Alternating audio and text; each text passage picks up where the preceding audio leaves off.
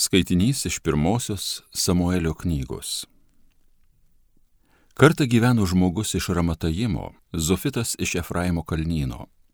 Vadinosi jis Elkana ir buvo sūnus Jerohamo, provaikis Zufo sūnaus Tohuaus, Efraimitas. Turėjo dvi žmonas, viena vadinosi Hana, kita Penina.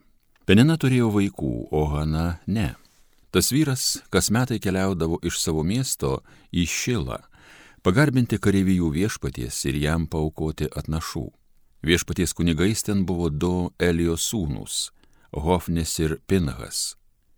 Aukojimų dieną savo žmonai Peninai ir jos sūnums bei dukterims Elkana duodavo po vieną dalį, o Hanai duodavo dvigubą dalį, nes Hana mylėjo, nors viešpats jai buvo užvėręs iščias. Bet jos varžovė ją užgauliodavo ir labai žemindavo, kad viešpats buvo jai iščias užvėręs. Kas metai, eidama į viešpaties namus, Penina ją užgauliodavo. Tada Hana verkdavo ir nieko nevalgydavo. Jos vyras Elkana kartą paklausė, Hana, ko tu verki? Kodėlgi nieko nevalgai ir esi nusiminusi? Ar aš tau nesu vertesnis už dešimt sūnų? Tai Dievo žodis.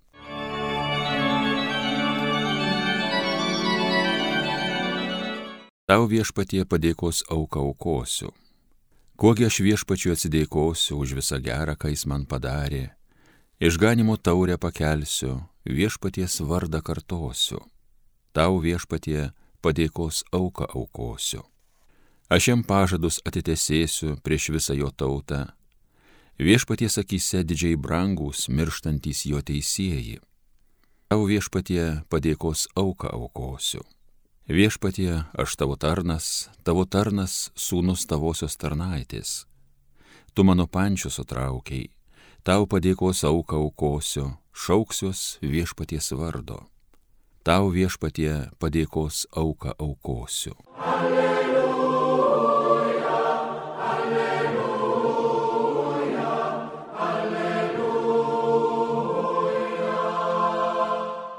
Prisartino Dievo karalystė, sako viešpats, atsiverskite ir tikėkite Evangeliją. Alleluja, alleluja,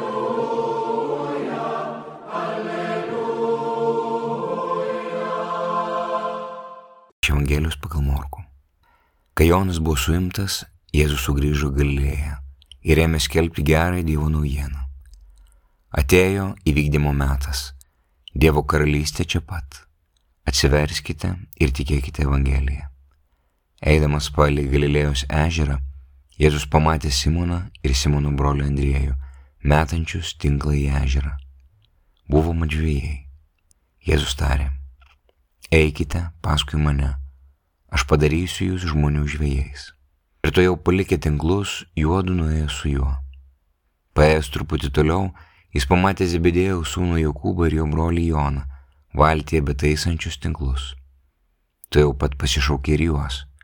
Palikę savo tėvą Zebedėjų su samdiniais valtyje, jie sekė paskui jį.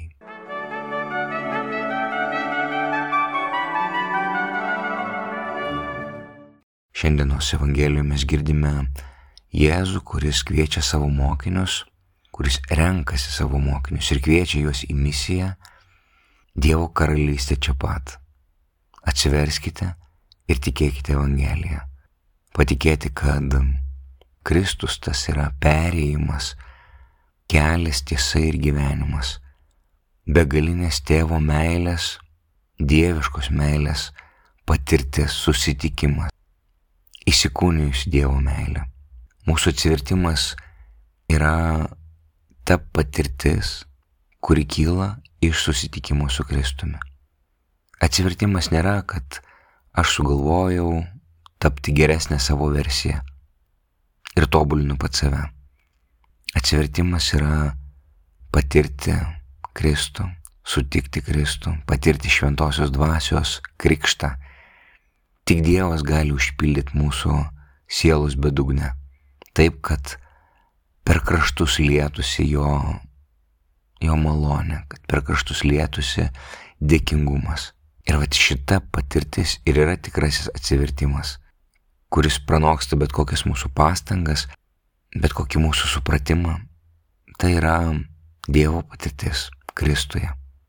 Ir Jėzus kviečiasi savo mokinius, jis nedaro didelio kažkokio tai skelbimo, parapinio, kviesdamas ateiti savanorius, kas jisai eina pas žmogų ir sako, aš matau tavyje sielų žvėją. Ir tai yra kelias, kurio Dievas pakviečia mus į savo tarnystę. Ir tai yra kelias, kuriuo mes pakviečiame savo brolius ir seseris skelbti gerąją naujieną, padrasinti, asmeniškai, atrasti būdų. Mes esam atsakingi, kad pratestume Kristaus misiją. Yra jo kvietimas mum. Jis kviečia mus ir kad mes atpažintume žmonės, jo mokinius ir pakviestume. Ir mes patys nežinome, ne nuo mūsų priklauso tikėjimas. Mes negalime duoti tikėjimo patys, tai yra dovana. Bet mes galim pakviesti žmonės į susitikimą, į Kristaus patirtį, maldos patirtį, į atsivertimo patirtį. Ir mes nežinome, kas gali įvykti. Kaip Paulius, kuris persikėjo krikščionis ir galiausiai tapo pagrindinė kolona apaštalas tas, per kurį šventoji dvasia palėtė daugybę širdžių. Ir kas galėjo pagalvoti? Mes nežinom. Ne mums nuspręsti.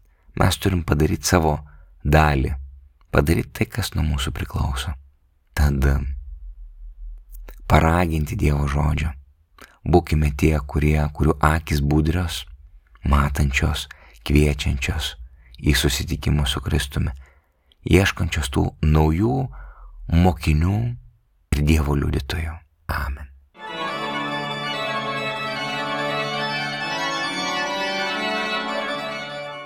Homilija sakė kunigas Algirdas Toletas.